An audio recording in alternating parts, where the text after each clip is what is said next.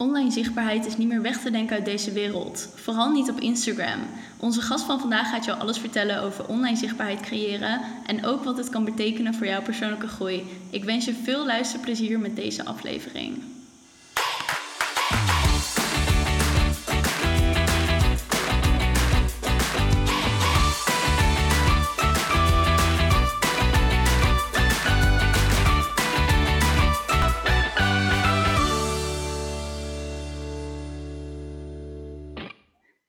Hallo lieve luisteraar, welkom terug bij weer een nieuwe podcastaflevering van Charles Coaching. Ik ben vandaag met Debra. Debra heeft uh, een, een uh, ja, account, Instagram account, waarbij ze ondernemers helpt om zichtbaar te worden op uh, Instagram.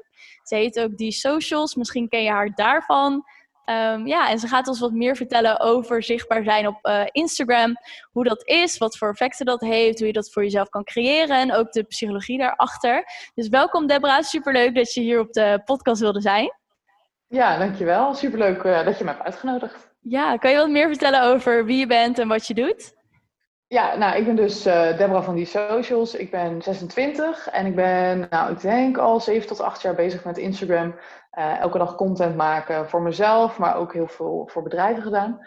Uh, ik heb een blog gehad en op dit moment help ik voornamelijk vrouwelijke ondernemers, creatieve vrouwelijke ondernemers die beter zichtbaar willen zijn, zodat ze eigenlijk een ideale klant aantrekken en dat ze daardoor ook ja, beter hun business kunnen runnen um, en ook ja, zichzelf durven te laten zien. Want dat is denk ik wel een heel belangrijk dingetje. Wat voor heel veel vrouwen ook lastig is om, uh, om te doen. Dus uh, daar ben ik eigenlijk in het dagelijks leven mee bezig. En verder um, heb ik een hond en twee katten en een vriend. En woon ik in Breda. Dus daar ben ik ook heel erg druk mee. Ik zeg altijd, ik heb soort vier kinderen. Dus um, dat is eigenlijk als ik niet aan het werk ben, dan ben ik daarmee bezig. Um, dus ja, en op mijn Instagram komt het ook heel veel voorbij. Uh, ja, alles uh, wat ik ook naast mijn werk doe. Uh, ik heb sinds een half jaar een puppy, dus dat is ook hartstikke gezellig. Ja, superleuk. En ook leuk dat je in Breda woont. Ik was daar nog, um, voordat ik naar Ibiza ging, was ik daar. En ik vond het echt een leuke stad. Gewoon echt ja. zoveel te doen, leuke terrasjes en zo. Ja, het is echt heel gezellig. Het is niet uh, per se een stadsgevoel, maar meer een, een, ja, een beetje een dorp, zeg maar, vind ik altijd. Ik kom er niet vandaan. Ik kom oorspronkelijk uit uh, Utrecht in de buurt. Oh, leuk. dorpje. Maartensdijk. Ik weet niet, dat kent Oh, dat ken ik. Ja, ik kom zelf uit Zeist. Zit oh, ja. bij elkaar. Ja, klopt. Ja, dus uh, mijn ouders, uh, of in ieder geval mijn moeder woont daar uh, nog en mijn vader woont in Berlijn. Dus daar kwam, kom ik ook regelmatig. Oh, cool. En je vertelde net van, ik ben al zeven of acht jaar bezig met Instagram. Dus toen was je 18, 19, toen je daarmee begon. Wat was de eerste reden dat je op Instagram ging? Gewoon meer voor jezelf om je privé dingen te laten zien of al gelijk om te ondernemen? Nee, dat was echt nog privé. Um, en dat werd wel, na een redelijk snelle tijd, werd dat eigenlijk meer om mijn eigen reis te delen. Ik zag het als een soort dagboek. Ik was heel erg bezig met voeding en met sporten. Um, voor mezelf wilde ik toen wat afvallen. Ik vond mezelf in ieder geval te zwaar. Ik had gewoon een bepaald beeld van mezelf wat ik wilde veranderen. En dat deelde ik heel erg op Instagram. Dus ik deelde bijvoorbeeld mijn eten en wat ik deed qua sporten en dat soort dingen. En ja, dat, dat werd steeds groter, dat ik ook een blog ben begonnen. En dat groeide heel snel. En dat kan je nu niet voorstellen, want ik lette helemaal niet op hoe het eruit, eruit zag, de foto's. Het was echt foto's maken en dan gooi het maar op, drie keer per dag. En video's had je verder eigenlijk nog helemaal niet op Instagram. Het was vooral foto's. En dat groeide eigenlijk heel hard. En ja, dat was aan de ene kant heel positief, want ik vond het heel leuk om te doen. Aan de andere kant zaten er ook wel dingen aan dat ik dacht, hmm, misschien niet helemaal gezond om daar zo mee bezig te zijn. Um, dus dat is wel een andere kant die ik ook wel van Instagram heb gezien. Mm-hmm. En over welke kant hebben we dan dat het niet gezond was in je ogen? Nou ja, ik denk dat aan de ene kant motivatie voor mij was, Instagram. Omdat ik natuurlijk bij andere mensen ook, uh, ja, ik volgde soortgelijke accounts. Um, het was een motivatie voor mezelf ook om door te gaan met het gezonde eten en het sporten. Maar het werd ook wel een obsessie om ja, net zo fit te zijn als die ander. Of uh, hè, zag ik daar een foto, dacht ik, oh, dat moet ik ook doen. Dus in die zin, op een gegeven moment was het niet meer gezond, omdat ik gewoon te dun werd. Voor mijn lengte en, en, en hoe ik ermee omging. Want ik was eigenlijk alleen maar bezig met voeding. En ik sportte twee uur per dag. En als ik niet sportte, dan werd ik helemaal gek. En aan de andere kant ook om het uh, maar te posten. Weet je, ik voelde elke dag wel die druk. Ik moet posten, ik moet iets plaatsen. Als ik geen likes had, dan werd ik daar ook redelijk onrustig van. En dat heeft er wel voor gezorgd dat ik op een gegeven moment een tijdje ben gestopt met Instagram. Dat ik even dacht van ja, ik moet er gewoon even uit en uh, ik moet het weer leuk gaan vinden. Ik moet eerst met mezelf aan de slag voordat ik dit verder kan doen. En uiteindelijk heeft dat er nu voor gezorgd dat ik nu juist heel anders met Instagram bezig ben. En dan juist een andere kant laat zien, omdat ik weet wat voor invloed Instagram of sowieso social media kan hebben natuurlijk. Ja, dat je echt wel uit uh, ervaring ook spreekt, inderdaad. En wat was voor jou het omslagpunt dat je door begon te krijgen van hé, hey, het heeft meer een negatieve indruk nu op me dan een positieve? Nou, ik denk dat ik. Um, ik was er zo mee bezig dat ik dus ook voor mijn werk, weet je, of, eh, of tijdens mijn werk of na mijn werk, ik was alleen maar bezig met content maken voor dat Instagram. En ik ging niet meer naar feestjes, ik dronk geen alcohol meer. Ik, ja, ik beperkte mezelf heel erg in het leven. En ik denk dat mensen ook op een gegeven moment tegen mij hebben gezegd van... joh, weet je, je moet echt wel even opletten. En in het begin dan neem je dat niet aan. Want dan denk je, ja, weet je, laat ze maar praten. Want je hebt gewoon een heel vertekend beeld van jezelf als jij in de spiegel kijkt. En ik, ik vond het ook nooit goed genoeg, weet je. Ik vond mezelf nooit goed genoeg. En dan kijk ik nu foto's terug van die periode en dan denk ik, Deb, waarom was je aan het zeuren? Je zag er hartstikke goed uit. Ik was helemaal afgetraind en het was nog steeds niet goed. En ik denk dat ik op een gegeven moment andere prioriteiten kreeg. Dat ik dacht, ja, weet je, er is meer in het leven dan sport of voeding. Ehm, en ik, ik werkte ook in de sport en voeding. Dus dat hielp er natuurlijk wel. Dat droeg er wel aan bij. Want ik was heel de dag met mensen bezig die net zo met sport en voeding bezig waren als wat, wat ik was. Dus toen ik daar stopte, toen kwam ik eigenlijk erachter van ja, er is nog echt veel meer uh, in het leven. En uh, je bent ook goed zonder dat je dat allemaal doet. Dus ik denk toen ik stopte met die baan, en ik heb hartstikke veel geleerd van die baan, ik heb een hele leuke tijd gehad. Maar toen pas zag ik eigenlijk van hé, hey, misschien was het niet helemaal goed waar ik mee bezig was.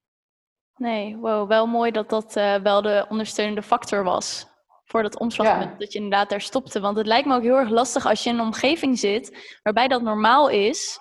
Dat het voor jou ook normaal wordt natuurlijk. Dat je niet meer door gaat hebben van ja, wat klopt er nou wel en eigenlijk niet. Ja, en aan de andere kant um, uh, heeft die baan me ook geholpen om veel meer te leren over voeding. Want ik kwam er ook achter dat bijvoorbeeld krachttraining, hè, dat je dan meer moet eten, uh, dat zorgde er ook voor dat ik uiteindelijk wel gezonder met sport en voeding bezig was dan daarvoor. Want daarvoor was het vooral uh, zoveel mogelijk sporten, zo weinig mogelijk eten.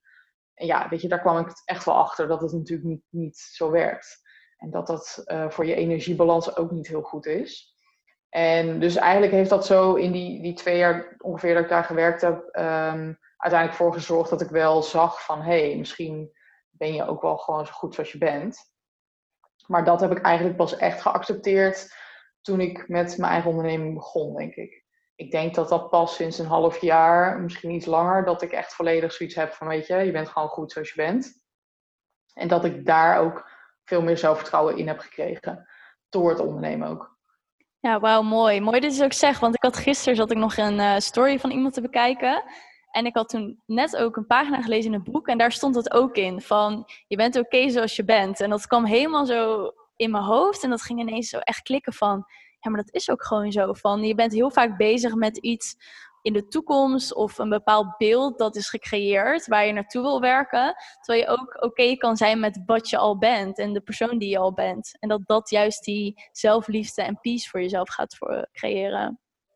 Ja, en dat is, weet je, natuurlijk, ik heb ook momenten nog steeds dat ik toch, weet je, een stukje onzekerheid weer heb. Of toch dat ik denk, nou, misschien wil ik toch uh, mijn onderkinderen hebben. Weet je, ik zeg even iets. Maar dat zijn wel van die dingen, dat, dat, natuurlijk heb ik dat ook nog steeds. Ik heb niet dat ik 100% altijd helemaal happy met mezelf ben. En dat is een proces, ja, dat duurt waarschijnlijk ook gewoon langer.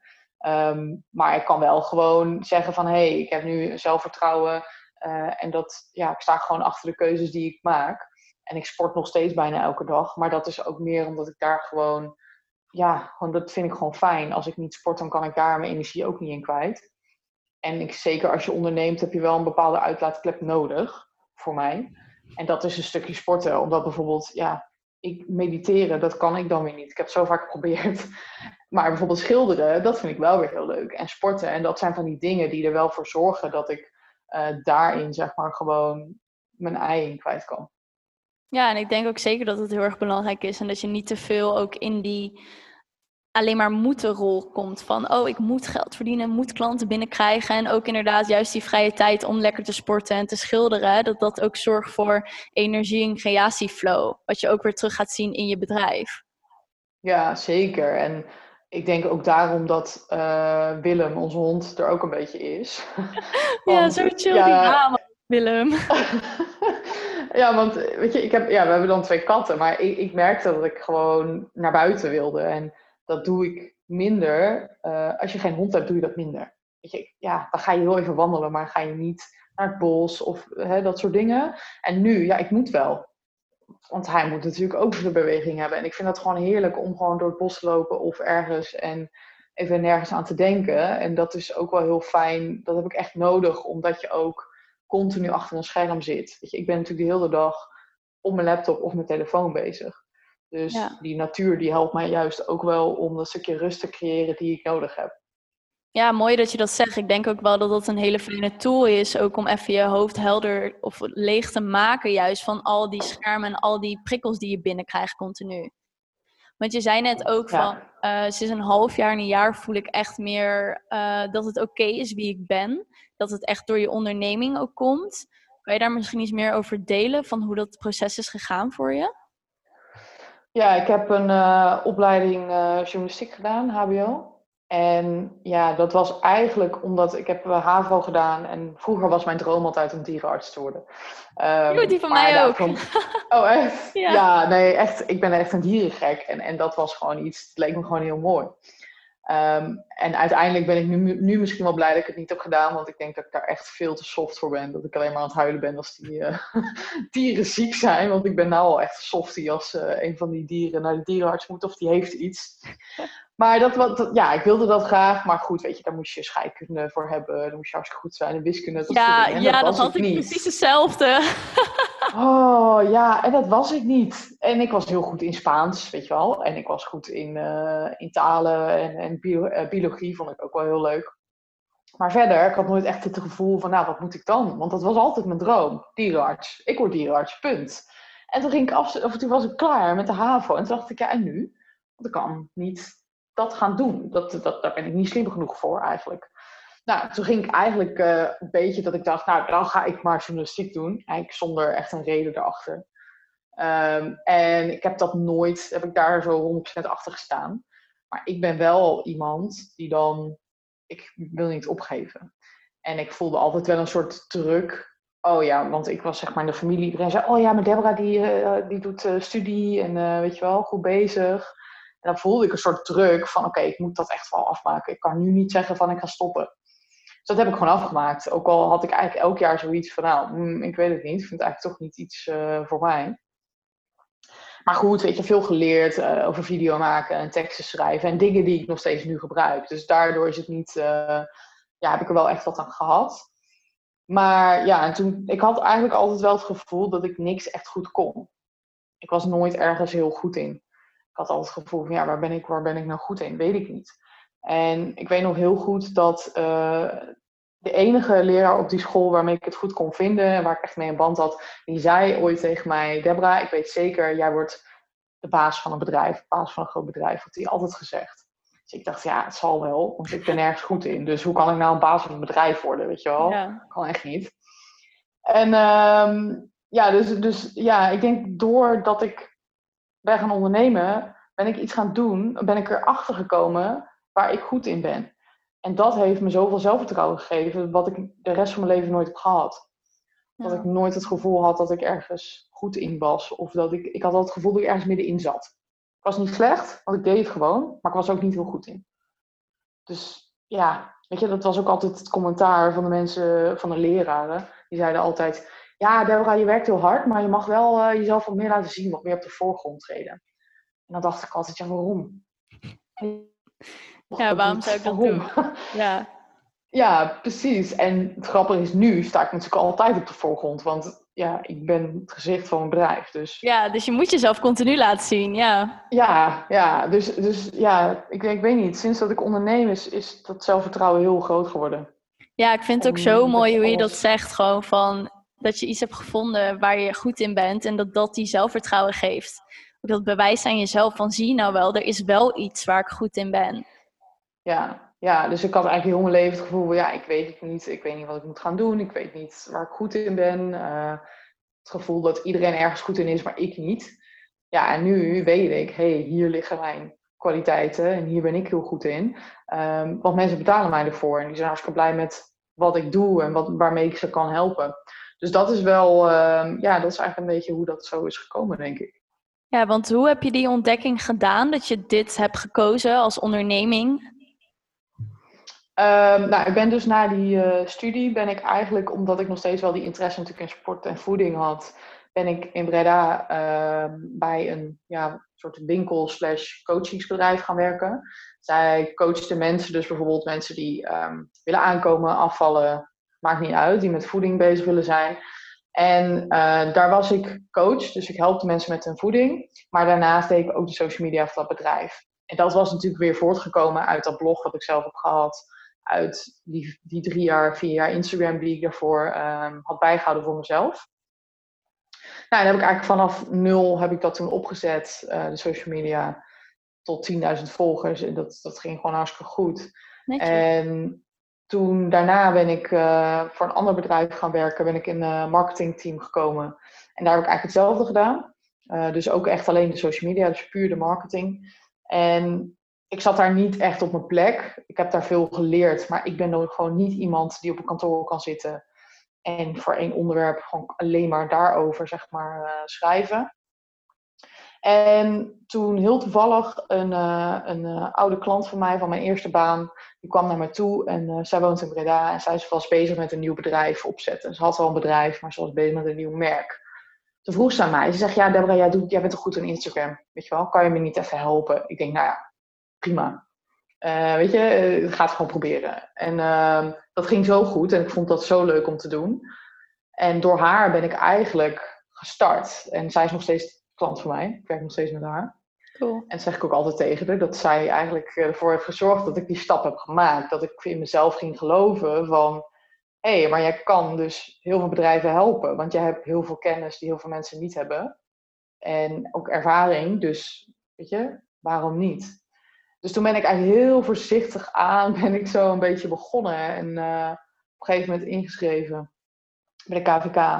En ik werkte gewoon fulltime daarnaast. En binnen een half jaar ongeveer, toen kon ik eigenlijk van leven. En toen ben ik gestopt bij uh, mijn loondienstbaan. Dus dat ging best wel snel. Dat is allemaal echt wel snel gegaan. Maar ja, dat was ineens gewoon zo'n snel, ja, versnelling. En uh, dat ik dacht, ja, maar hier word ik echt gelukkig van. En, en, dat was ik al niet echt meer bij mijn andere baan. Dus dan wordt het ook natuurlijk makkelijker om te zeggen van hé, hey, ik ga een andere richting op. Maar ik vond het wel spannend. Want iedereen denkt altijd, ja, oh, hoe kon je dat doen? Natuurlijk vond ik het eng. Ik dacht ook, oh, wat ga ik doen? Maar ja, aan de andere kant dacht ik, wat is het ergste wat er kan gebeuren? Dat het niet werkt. En dan? Ja, en dat vind, vind ik zo'n mooie vraag. Dat is echt de beste vraag die je jezelf kan stellen. Wat is het ergste wat er kan gebeuren? Ja, ja, echt. En het grappige is dat ik hier, dus dat wel, ik vind het altijd interessant om over mijn reis te praten, omdat ik besef het me nooit. Weet je, ik besef me eigenlijk nooit waar ik nu al sta. En dan praat ik zo met jou en denk ik, jeetje, wat heb ik allemaal al wel bereikt. En ik ben 26. Ja, Want maar dat is het altijd ook. alleen maar, ja, je denkt altijd alleen maar, het kan alleen maar beter. En je ziet de successen niet. En je ziet alleen maar de dingen die bij andere mensen heel goed gaan. Maar je vergeet dingen die dus je wel al hebt bereikt. Ja, zeker. Ik had er ook nog deze week nog een post over gemaakt, of vorige week. Dat ging ook voor mijn gevoel, was ik heel erg bezig met, uh, ja, dat, wat is succes nou eigenlijk? Voor mij was het echt iets wat gecreëerd werd door het aantal volgers, aantal klanten, aantal omzet. Dat je gewoon telkens zag bij mensen, of waar mensen je kon bij, bij kon helpen. En toen was ik met twee vriendinnen en toen zei een van hun, um, die kennen een meisje en die had tegen haar gezegd ja, eh, hoe, kom jij, hoe kom je bij Charmaine en zo? Want zij is toch echt bekend en bla bla. En zij dacht, bekend, waar heb jij het over? En toen was het dus blijkbaar zo dat dat meisje op haar dispuut, dat iedereen mij volgde en dat ze heel vaak hadden over wat ik plaatste en zo.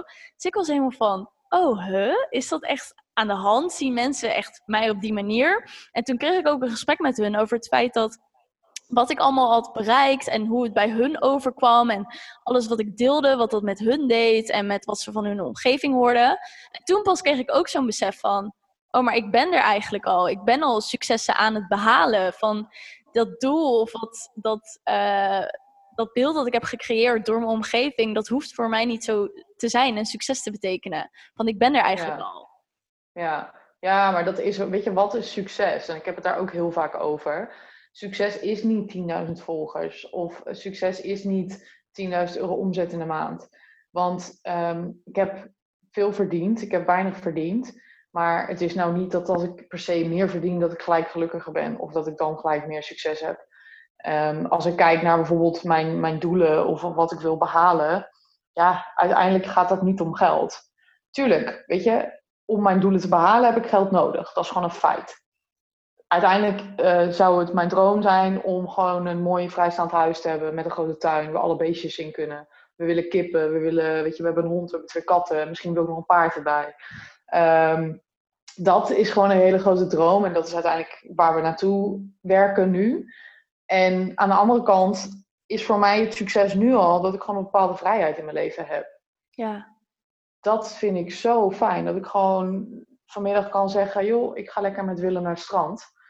En uh, dan ga ik daarna met vriendinnen wat doen. En morgen ga ik weer werken. En snap je? Dus die vrijheid is voor mij al heel erg fijn. En als ik straks dat huis heb, dan zal er vast wel weer iets anders komen waarbij ik wel geld nodig heb om iets te bereiken. Maar de vrijheid om. Vorig jaar ben ik uh, last minute naar een uh, vacation in Marrakesh gegaan. Ja, die dat vrijheid. is tof. Dat je dat gewoon kan doen. Dat is, ja, dat is waar je voor aan het werk bent ik wil gewoon bepaalde herinneringen maken in mijn leven.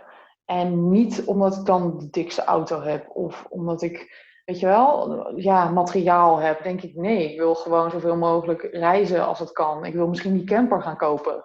Ja, waar we het net over hadden. Ja, ja weet je, dat, dat, ik, dat we met, met de hond uh, met de camper kunnen gaan reizen. En dat we dat soort toffe dingen gaan doen. Daar, dat is waarvoor ik werk. En niet omdat ik per se dus de grootste dingen wil hebben. Ik denk dat dat voor mij geen succes is. Kijk, voor een ander misschien wel, maar voor mij niet. Nee.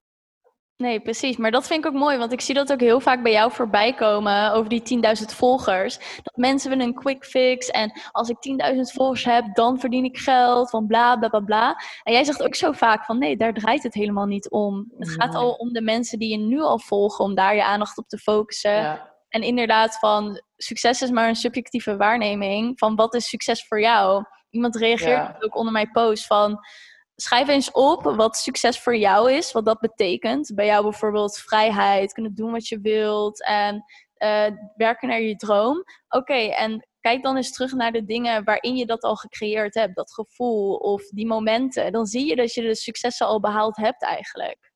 Ja, en weet je, natuurlijk is het nog steeds lastig, denk ik, om altijd te behouden, omdat je in een maatschappij leeft waar natuurlijk wel alles om geld draait en om, status en, en snelle leven. Dat is heel lastig. En ik heb dat zelf ook nog steeds zo vaak, dat ik denk, oh, dan ga ik weer, weet je wel. Dan kom ik terug van vakantie en dan ga ik weer. En ik ben vorig jaar twee weken naar Bali geweest in mijn eentje. En dat was voor mij zo'n eye-opening. Dat ik daar kwam en dat die mensen daar zo op een bepaalde manier leven toen ik in Nederland weer kwam, dacht ik, waar zijn we met z'n allen mee bezig? Het is oh, echt... dat kan ik me zo voorstellen. Echt hoor. Ja, echt bizar. Ja, maar dat is ook, ik vind het ook wel mooi je dat zegt gewoon. Dat we in een maatschappij leven waarbij status en geld en snel dingen doen, dat dat succes is of dat is waar je naartoe wil werken. Terwijl wij zijn bijvoorbeeld mensen die ook kunnen laten zien dat het niet daarom draait. Tuurlijk heb je inderdaad wel geld nodig om dingen te doen.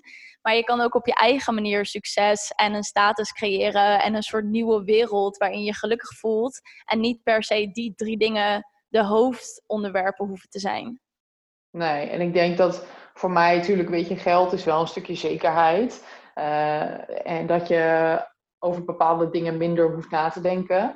En ik had het laatst met mijn vriend nog over van ja, eigenlijk soms geef ik best wel veel geld uit. Ehm, toch onbewust. Hè? Van oh, even uit eten en uh, oh, even daarheen. En dan gaan we weer dat doen. En een vakantie en een nieuwe tatoeage. Hup, weet je, weer een paar honderd euro.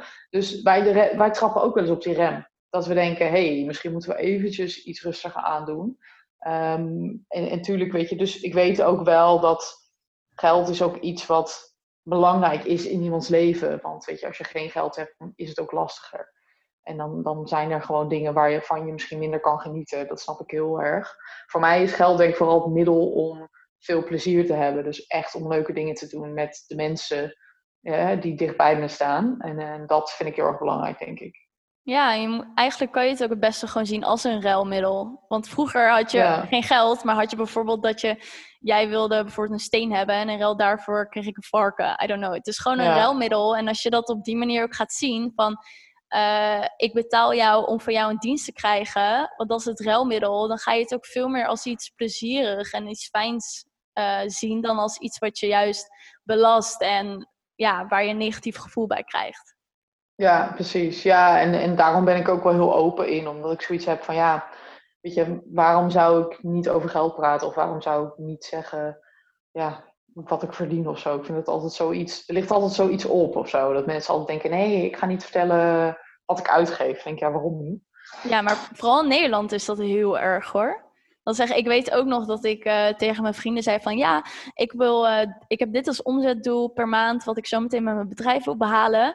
En dan kreeg ik echt soms gezichten zo van uh, hoe wil je dat doen dan? Of ik heb ook ja. een vriendinnetje die ook tegen haar zus had verteld van ja, ik wil zoveel per maand besteden of verdienen uit mijn bedrijf als omzet. En toen had die zus gezegd, denk je nou echt dat jij dat kan? Want ik heb een universiteitsstudie en ik ga nog minder verdienen dan dat jij als omzet wil behalen. Dus dat kan echt niet. Weet je wel, dan krijg je zulke opmerkingen van je omgeving. In plaats van, wow, wat goed, werk er naartoe. Weet je wel, het is mogelijk als je het wilt.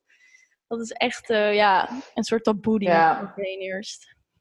Ja, er zit ook wel echt een verschil in, in denk ik, ja, wat mensen zeg maar zelf qua dromen hebben of ja, waar ze naartoe willen werken. En ik snap het ook wel, weet je, mensen in je loondienst zitten, dat is gewoon anders.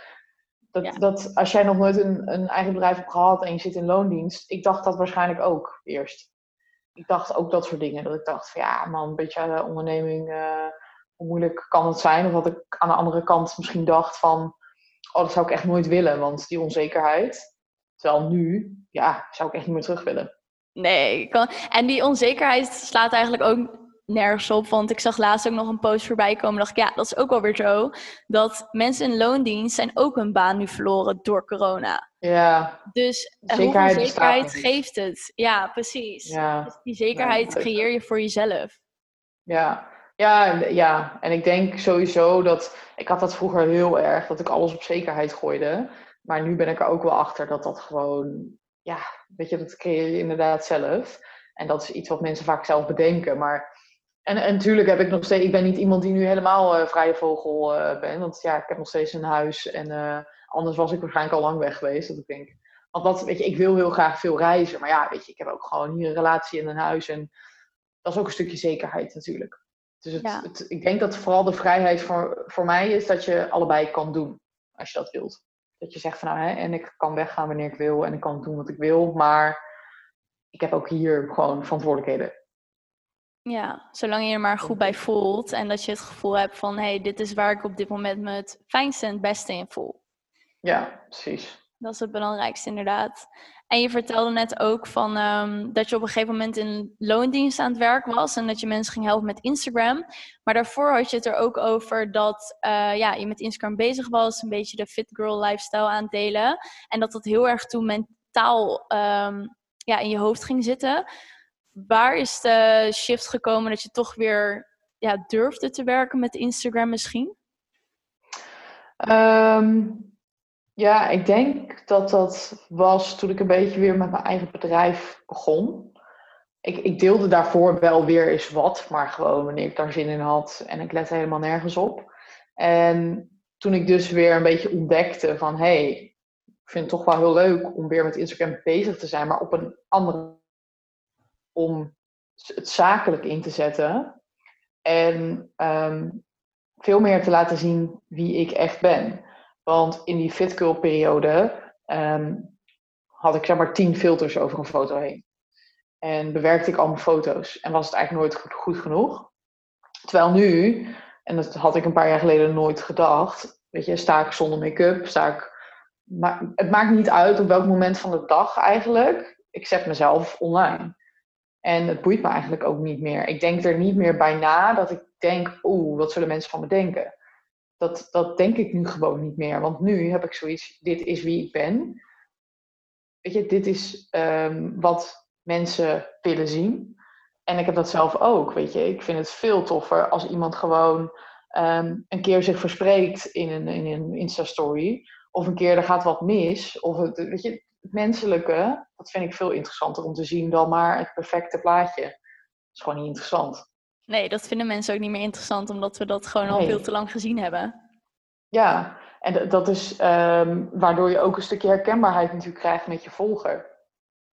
Ja, zeker. Want dat heb ik ook met jou. Gewoon met je katten en met Willem. En gewoon als je aan het reizen bent en zo. En je reels, dat je grappige dingen laat zien of een tekst of zo. Dat laat jouw hele persoonlijkheid dus eigenlijk te zien op Instagram. Ja. In plaats van alleen maar de zakelijke Debra. Dus ook Precies. jou als persoon. En dat vind ik ook heel erg uh, mooi. Hoe je dat hebt, kan laten zien. En ja, hoe je dat voor jezelf hebt kunnen creëren ik denk dat dat zeg maar, ervoor zorgt dat je heel veel verschillende volgers bij je houdt. Want als jij alleen maar zakelijk praat, dan ben je heel veel mensen op een gegeven moment kwijt. Maar als je alleen maar je persoonlijkheid laat zien, ben je misschien ook weer mensen kwijt. Dus door die mix hou je natuurlijk allebei die volgers ook bij je. Um, en wat je zegt, dat is voor mij wel een heel groot compliment. Dat jij ziet dat gewoon heel mijn persoonlijkheid dat is. Want weet je, heel veel mensen die mij bijvoorbeeld in het echt zien, of nou ja, via een Skype of zo, die zeggen ook: het is net alsof ik nu je Instagram zie. Dus het matcht eigenlijk gewoon met wie jij ook in het echt bent. En dat is voor mij het grootste compliment. Ja, maar dat vind ik ook echt goed hoor. Ja, maar dat vind ik ook echt goed. Want ik heb ook wel eens gehad dat ik mensen dan volgde op Instagram. En dat ik ze in het echt zag. En ik dacht, Huh? Jij bent echt heel ja. anders in het echt dan op Instagram. Want je creëert ook zelf een bepaald beeld van iemand door de stories die je ziet, de posts, bla bla. En als je dan diegene in het echt ziet, dan verwacht je ergens toch wel dat hij eruit ziet zoals wat je op Instagram ziet. En dan is het alleen maar een teleurstelling als dat niet zo is. Dan denk je ineens, oh, ja. ben jij nep of zo, weet je wel? Ja, precies. En um, ik denk dat dat zeg maar, het is gewoon voor mij een soort, soort dagboek of zo. Weet je, de stories zijn ook een soort dagboek wat ik meemaak in mijn leven, wat ik doe. Uh, tuurlijk, weet je, het is allemaal wel met een, met een tintje van mijn werk natuurlijk. Er zit altijd ook iets strategisch achter. Maar ja, voor mij zijn stories maken is ook iets heel normaals voor mij. Dat, dat voelt heel natuurlijk. En ik heb ook het gevoel dat ik zeg maar, ja, gewoon mijn verhaal of zo deel. Ja, een soort vlog of reality show of zo. Ja, een soort van, weet je, dat je gewoon jezelf in de hoofdrol zet en gewoon ook doet alsof het heel belangrijk is. Dat hoeft helemaal niet. Maar ja, ook gewoon de stomste dingen. Wat had ik laatst? Nou, heb ik tien stories gemaakt over het, over het feit dat ik, uh, nou ja, wat was ik? Volgens mij dat ik uh, ineens uh, een caravan ben geworden. Terwijl vroeger had ik echt nooit moeten nadenken over kamperen. en dat heeft niks met mijn werk te maken. Maar dat is gewoon weet je, een stukje van, van mij. Dus een stukje van, oké, wie ben ik en hoe ben ik gegroeid en hoe is dat zo gegaan? Of tien stories over dat ik, nou, het was volgens mij een half jaar geleden al, um, dat had ik echt heel veel stories gemaakt over het feit dat ik een zoete aardappel ging snijden. En, en gewoon, ja, weet je, ik heb bijvoorbeeld met Niek, mijn vriend, wij hebben gewoon, je hebt bepaalde gewoontes in je relatie. Of je hebt bepaalde gewoontes die je thuis, zeg maar, hebt. Ja, dat soort dingen laten we ook wel eens zien. En dat zorgt ervoor dat je dus gewoon meer laat zien over, hey, dit ben je echt. En ja. als ik met jou hier uh, zou zitten en ik verspreek mezelf, ga ik ook niet tegen jou zeggen, nou sorry, maar ik ga het nog even tien keer opnieuw doen. Dat, ja, knip het eruit en dan, uh, ja precies. Ja, precies. Terwijl stories is natuurlijk eigenlijk ook, moet je het gevoel hebben dat je gewoon, dat ik tegen jou praat. Dat, ja. dat wil je eigenlijk. Ja, precies. En niet, ja, en dat vind ik ook wel, dat is ook wel oefening Vind ik zelf. Want ik heb bijvoorbeeld ook dat ik um, sinds februari of maart probeerde om elke dag in mijn stories te zitten. Ik had ook jouw cursus gevolgd. Ik had cursus van Celine Charlotte gevolgd. Van oké, ik ga mezelf gewoon laten zien. En het maakt niet uit wat ik deel als ik maar iets deel of zo. Of dat ik de mhm. hond aan het uitlaten ben of whatever. En op een gegeven moment voel je je zo comfortabel erbij dat je ook gewoon ja, voor alles en nog wat gaat delen. En ook al heeft het niet per se met je werk te maken. Je gaat alsnog erover vertellen of bepaalde dingen die je hebt meegemaakt delen. En ja, dat is gewoon mooi, die interactie die je ook krijgt dan met mensen. Dat het echt voelt van, hé, hey, maar jullie zijn echt mensen waarmee je praat en waarmee je interactie hebt. Ja, en ik had dit weekend, volgens mij 1300 mensen hadden een story gezien. Ik dacht, jeetje, als 1300 mensen voor mij zouden staan. Dat is echt superveel. Ja, dat is ook echt, echt superveel. Dat, dat bedenk je soms niet. Nee, maar dat had ik ook met. Um, uh, ik had er toen een post ook over gemaakt, want toen had ik 500 volgers of zo. En toen had ik ook geschreven van: Oké, 500 volgers. Stel je voor dat jullie allemaal hier nu staan. Hè? Weet je wat voor groot feest we dan hebben? Gewoon 500 mensen. Ja. Dat is echt veel. En mensen beseffen ja. dat niet. Ze zijn alleen maar bezig met, ja, maar ik wil 10.000, want bla bla bla bla. Dan denk ik, wees wel blij met de 200 of de 1000 of de 2000 die je nu hebt. Dat zijn echt veel mensen hoor. Ja, weet je, ik snap het ook wel. Hè. Ik heb zelf ook nu, ik zit tegen de 8000 aan en denk, ja, weet je, het is leuk. 10.000, weet je, dan krijg ik die swipe-up. Tuurlijk wil ik dat Ja, ook. dat snap ik wel, ja. Tuurlijk, weet je. Eh, ik ga niet zeggen dat het niet zo is, maar het is niet het belangrijkste. Want ik zit altijd, als ik denk, ah, ik, volg, ik groei niet, mijn volgers groeien niet, denk ik, ja, maar Deb, je bedrijf loopt toch gewoon goed? Wat, wat, je hebt hartstikke veel interactie, je hebt hartstikke veel mensen die alles kijken. Waarom, weet je, waarom boeit het je dan? Ja. Dus ik snap het heel goed. Je zit altijd een beetje tussen twee gedachten natuurlijk. Maar ik denk dat je je, je aandacht beter op de volgers kan houden die je nu al hebt. Ja, 100 procent. Dat, dat echt belangrijker is. En dat je gewoon gaat voor die interactie. Uh, dat je zorgt dat mensen bij je blijven. En niet dat ze je gaan volgen en dan weer gaan ontvolgen. Um, ik denk dat dat veel belangrijker is. En door stories maken heb ik ook, um, ja, ben ik mezelf ook meer gaan accepteren qua uiterlijk en qua hoe ik ben. Ja. Dat is wel een heel groot deel geworden, ja. Want je wordt elke dag geconfronteerd met jezelf. Ja. Ook in de momenten dat je er misschien niet voor jouw gevoel op, op je best eruit ziet. Ja, maar ik denk dat dat het ook voor heel veel mensen lastig maakt. Wat je net aan het begin zei van ja, uh, vrouwelijke ondernemers leren om te, hunzelf te durven laten zien. En dat je, ja, het is wel een confrontatie als je elke dag je eigen gezicht ziet en je bent niet tevreden met jezelf dan is het ook lastig om telkens voor die camera te staan. Ja, en ik heb ook dingen dat ik denk, weet je, ik vind bijvoorbeeld, uh, nou, mijn tanden vind ik niet mooi, of ik vind dat ik een onderkin heb, of mijn huid, of weet ik. Ja, ik heb dat ook. Alleen ik heb er wel mee leren omgaan. En ik accepteer het nu eigenlijk veel meer. En ik heb nog steeds soms momenten dat ik denk, nou ja, misschien wil ik het toch anders. Maar niet meer zo erg dat ik echt uh, schaam, of dat ik mezelf schaam. Weet je, want andere mensen zien dat ook niet, hè. Nee. Andere mensen zien jou heel anders dan dat je jezelf ziet. En dat is hetzelfde met continu je eigen stem horen. 99% van de mensen vindt dat vervelend om hun eigen stem te horen. Ja, maar dat is ook echt zo, want mensen zien jou zo anders dan dat jij jezelf ziet. En dat is ook ja, dat vertekende beeld wat je van jezelf op een gegeven moment krijgt. En als ik het zo hoor, is ook gewoon de kern van je bedrijf of ondernemer zijn. Gewoon zelfliefde en vertrouwen hebben in jezelf en geloven in jezelf. En gewoon weten dat jij dingen kan. En dat je iets hebt waar je goed in bent en waar mensen voor willen betalen. Van wat je net allemaal zei ook. En ik denk dat het ook een stukje angst is. Weet je, er, er is altijd natuurlijk een angst ook. Ehm, wat zeggen anderen? Is er kritiek van anderen? Um, er zullen altijd mensen zijn die het niet met je eens zijn. Er zullen altijd mensen zijn die iets te zeuren hebben dat, dat is gewoon. En zeker als je langer bezig bent en je krijgt meer volgers, je krijgt meer mensen die jouw content zien, gaan er meer mensen komen die er wat anders over te zeggen hebben. Om wat voor reden ook. En dat ligt waarschijnlijk niet eens aan jou. Het ligt gewoon aan die persoon. Ja, want hoe ga jij daarmee om met kritiek of mensen die zulke opmerkingen hebben? Um, nou ja, dat ligt een beetje aan. Hè. Kijk, ja, wat is kritiek? Uh, als het kritiek is op het werk wat ik heb geleverd, is dat natuurlijk anders. Uh, als het een klant is, dan ga ik er anders mee om, omdat dat voor mij waardevol is.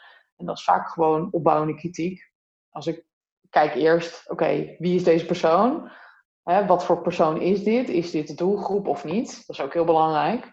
Als dit iemand is die totaal mijn doelgroep niet is, ja, weet je, dat is een mening. Ja, wat moet ik daar dan mee? Dus dat vind ik heel belangrijk. Van oké, wie is het? Kan ik er zelf iets mee?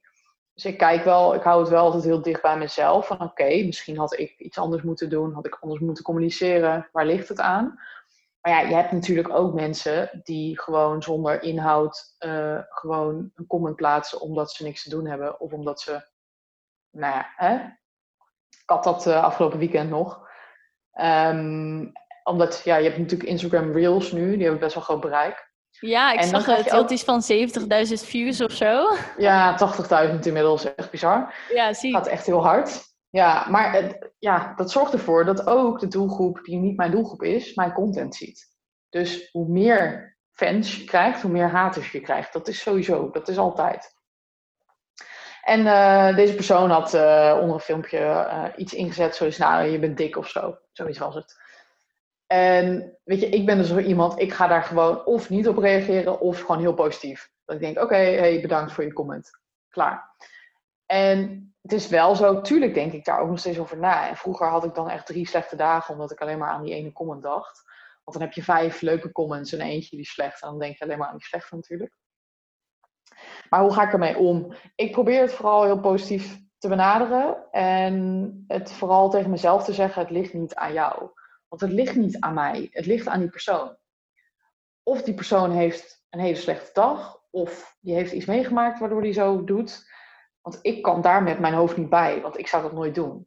Dus ik probeer gewoon heel positief erin te blijven. Dat ik denk, ja, weet je, vergeet het, ga door, blijf positief. En focus je ook vooral op de mensen die wel waarderen wat je doet. Ja, echt zo'n mindset ja. shift ergens ook inderdaad. Als je toch Ja. op het positieve blijft focussen. Ja. ja, en dat is wel lastig af en toe. Hè. Dat blijft ook lastig, omdat ik ben ook wel iemand die... Ik wil altijd pleasen, ik wil altijd dat iedereen het leuk vindt. Maar ja, dat kan niet. Dat, dat gaat gewoon echt niet. Dus ik probeer vooral het gewoon zo snel mogelijk van me af te zetten. Dat ik denk, ja, next. En weet je, gewoon focus op positieve dingen, positieve mensen. En uiteindelijk is het jouw leven, dus... dat- Ja, precies. Dat, is het, denk ik. Ja, Ja, 100%. Het is gewoon jouw leven en hoe jij de dingen doet. En de een vindt dat leuk en de ander niet. Ik had daar gisteren ook nog, eh, had ik eens gedeeld, een stuk tekst. En toen had ik erbij geschreven dat ik de overtuiging altijd had dat ik niet kon schrijven. Omdat ik niet goed was in spelling en grammatica. En toen had ik dus intuïtief gewoon iets geschreven. En toen dacht ik zelf van, wow, dit is echt heel mooi. Wat? En toen had ik Ja. ook aangeschreven van ehm, iets in de richting van, als je dit mooi vindt, superleuk, dankjewel. Als je het niet mooi vindt, prima, ik vind hem zelf wel mooi. En daar gaat het ja, dat je het zelf Precies. een leuke reels vindt. Of zelf een leuke post of story. Ja, en als Ja. iemand dat niet vindt, prima. Maar dat is inderdaad die persoon zijn ding. ja, je kan toch nooit iedereen pleasen. Dat gaat gewoon niet gebeuren, Nee. nooit. Nee, echt totaal niet. Nee. Ook dezelfde de bekendste mensen hebben haters. Ook kan je niet voorstellen bijvoorbeeld dat Beyoncé haters heeft. Die zijn er ook. Dus Ja, dat zul je toch wel houden inderdaad. ja, precies. En wat heeft voor jou, ehm, want je zei toen van op een gegeven moment was er iemand die op jouw pad kwam en die er, ja, zei van ik wil je niet eh, voor ons bedrijf, eh, als ik het goed heb begrepen, ook een Instagram doen. En toen kwam eindelijk je eigen onderneming. En toen Ja. is het een half jaar best wel snel gegaan, zei je. Wat eh, heeft voor jouw gevoel gezorgd dat het ja, snel ging, dat je veel klanten kreeg? Ehm, ik denk omdat ik eigenlijk vanaf moment één al online zichtbaar was. Omdat ik vanaf moment één elke dag ervoor heb gezorgd dat ik zichtbaar er werd. Dus dat ik ervoor zorgde dat ik niet alleen op Instagram zichtbaar was, maar ja, ook door middel van bijvoorbeeld een stukje adverteren, Facebook. Ehm, ja, dus eigenlijk, ik heb een soort strategie die ik bijvoorbeeld voor bedrijven gebruik. Heb ik eigenlijk meteen voor mezelf heb ik ook bedacht, wat ga ik doen? En ik denk dat heel veel mensen Instagram nog steeds zien als iets, nou ja, ik gooi er maar wat op en ik hoop dat er wat uitkomt. Maar dat is eigenlijk gokken. Dan ga je dus eigenlijk naar het casino en dan zeg je, nou ja, ik hoop dat er wat uitkomt. Terwijl je kan veel strategischer ook met Instagram aan de slag, waardoor je eigenlijk ook gaat merken, hé, hey, als ik bepaalde dingen doe, dan gebeurt er A of B. En dat is ook met marketing zo, dat je op een gegeven moment een beetje weet aan welke knoppen je moet draaien, waardoor je zichtbaarder bent. En ik denk dat dat heel belangrijk is geweest. En dat het tweede deel heel belangrijk is geweest, dat ik gewoon mezelf ben gebleven. Als je kijkt naar andere mensen die bijvoorbeeld hetzelfde werk doen, er zijn er natuurlijk genoeg, heb ik voor mezelf wel echt gezegd van ja, weet je, ik doe het op deze manier en ik blijf het op deze manier doen. En ik denk dat heel veel mensen dat kunnen waarderen. Dat ik gewoon geen poespas, weet je. Het is gewoon zoals het is. Ik ben zelf een heel nuchter persoon en, en ja, dat, dat probeer ik ook wel over te brengen in mijn bedrijf. En in hoe ik dingen breng. Dus ik denk dat dat eigenlijk voor heeft gezorgd dat het redelijk snel is gegaan. Dat veel mensen me zagen en dat het ook aansloeg omdat ik dus gewoon zo mezelf ben gebleven. Dat veel mensen ook aan bleven haken omdat ik dus ook dingen deel die niet per se altijd alleen maar met bedrijven te maken hebben. En heel veel dingen die ik heb gedeeld zijn ook heel herkenbaar voor mijn doelgroep. Dus ik ben gewoon echt zo diep in die doelgroep gedoken.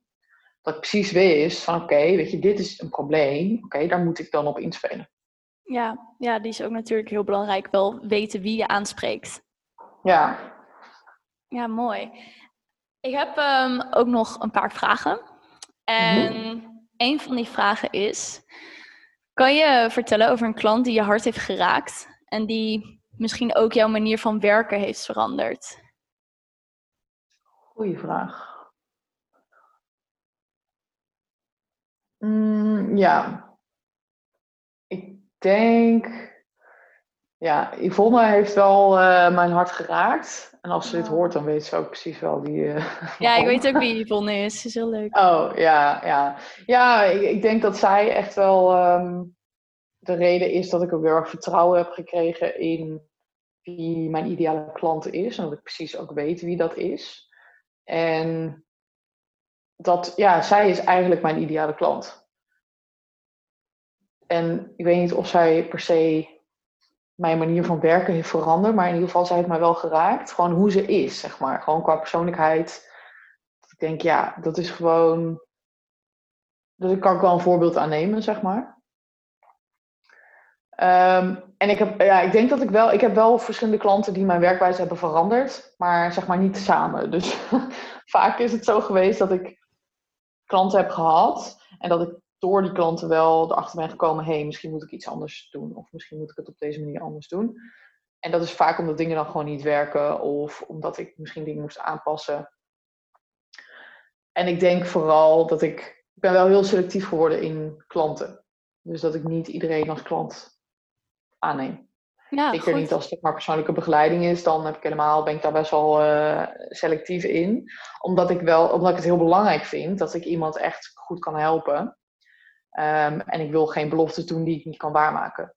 Dus ik kijk wel heel erg naar, oké, past deze persoon bij mij? Hè? Staan ze ook achter wat ik doe? Uh, maar is het ook iets waar ik ze ook echt bij kan helpen? En als dat niet zo is, dan ga ik daar ook niet mee aan de slag. En dan verwijs ik ze met liefde naar een ander door daarom geloof ik er ook gewoon echt in dat er voor iedereen genoeg is. Want weet je, als jij selectiever bent in je klanten, dan kan je daarin natuurlijk ook veel beter groeien, denk ik. Ja, zeker. En dan, dan doe je het ook vanuit ja, plezier ook meer. Omdat je gewoon weet van jij bent mijn ideale klant en met jou werk ik gewoon graag samen. En dan blijft het ook leuk. In plaats van, oh, ik neem maar deze klant aan, want ik wil geld verdienen. Precies. Dan zit je gewoon vanuit een hele andere mindset zit je te werken. Ja, en energie ook. Ja, ja, zeker. Mooi. Wat uh, inspireert jou of wat laat jou als je beste zelf voelen?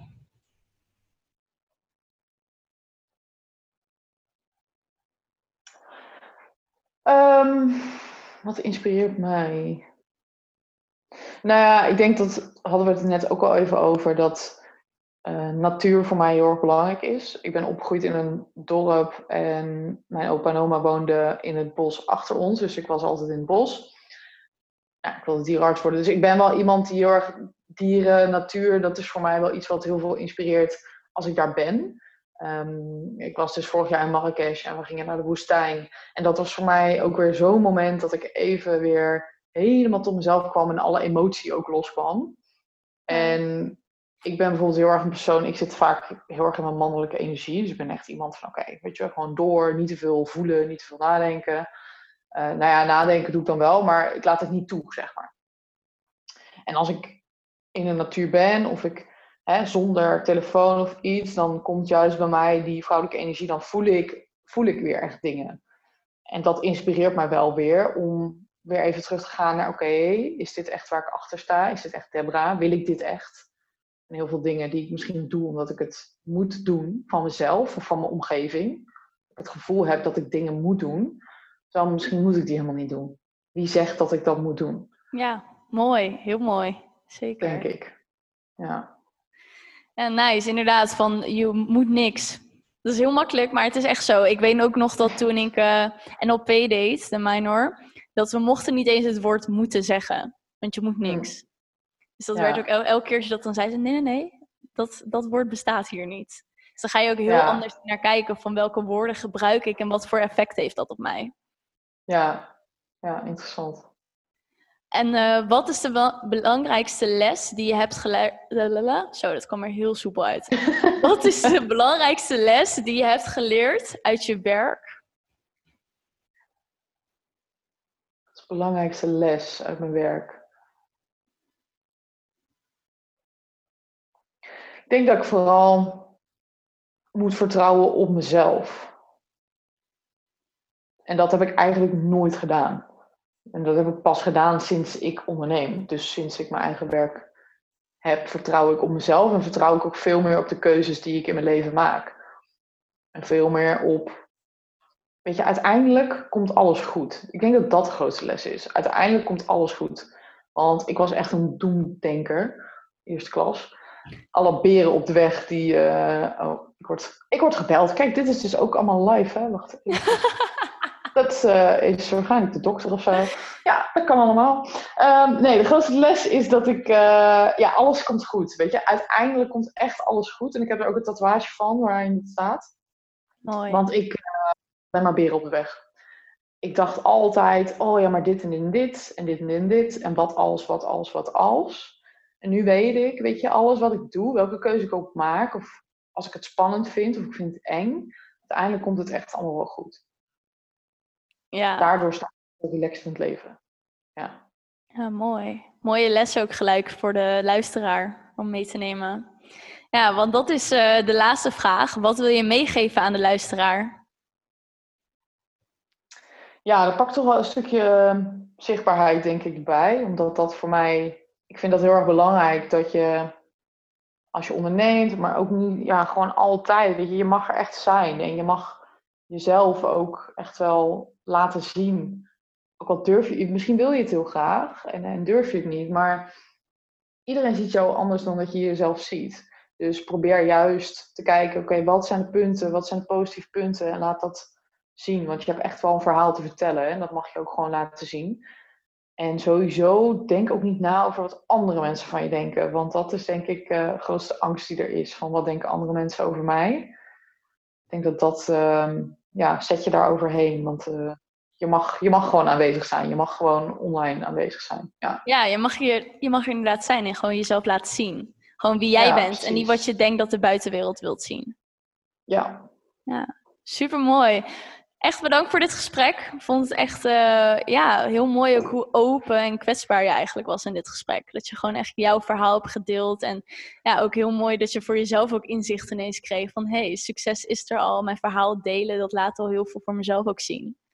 Ja, ja, maar dat is echt. Dus jij ook uh, bedankt. Ik heb er even voor mezelf was dit ook weer even een goede, goede boost. Ja. Goed om te horen, dankjewel. En voor de luisteraar natuurlijk bedankt voor het luisteren. Laat mij en Debra vooral weten wat je ervan vond. Door een screenshot te maken van de aflevering en uh, ja, ons te taggen op Instagram. Of uh, laat even een recensie achter op iTunes. En dan uh, ga ik hierbij doei zeggen tegen Debra. En bedankt voor het interview nogmaals. Yes, jij ook bedankt. En tot de volgende keer misschien hè? Yes, sowieso wel. doei doei. Ja, doei.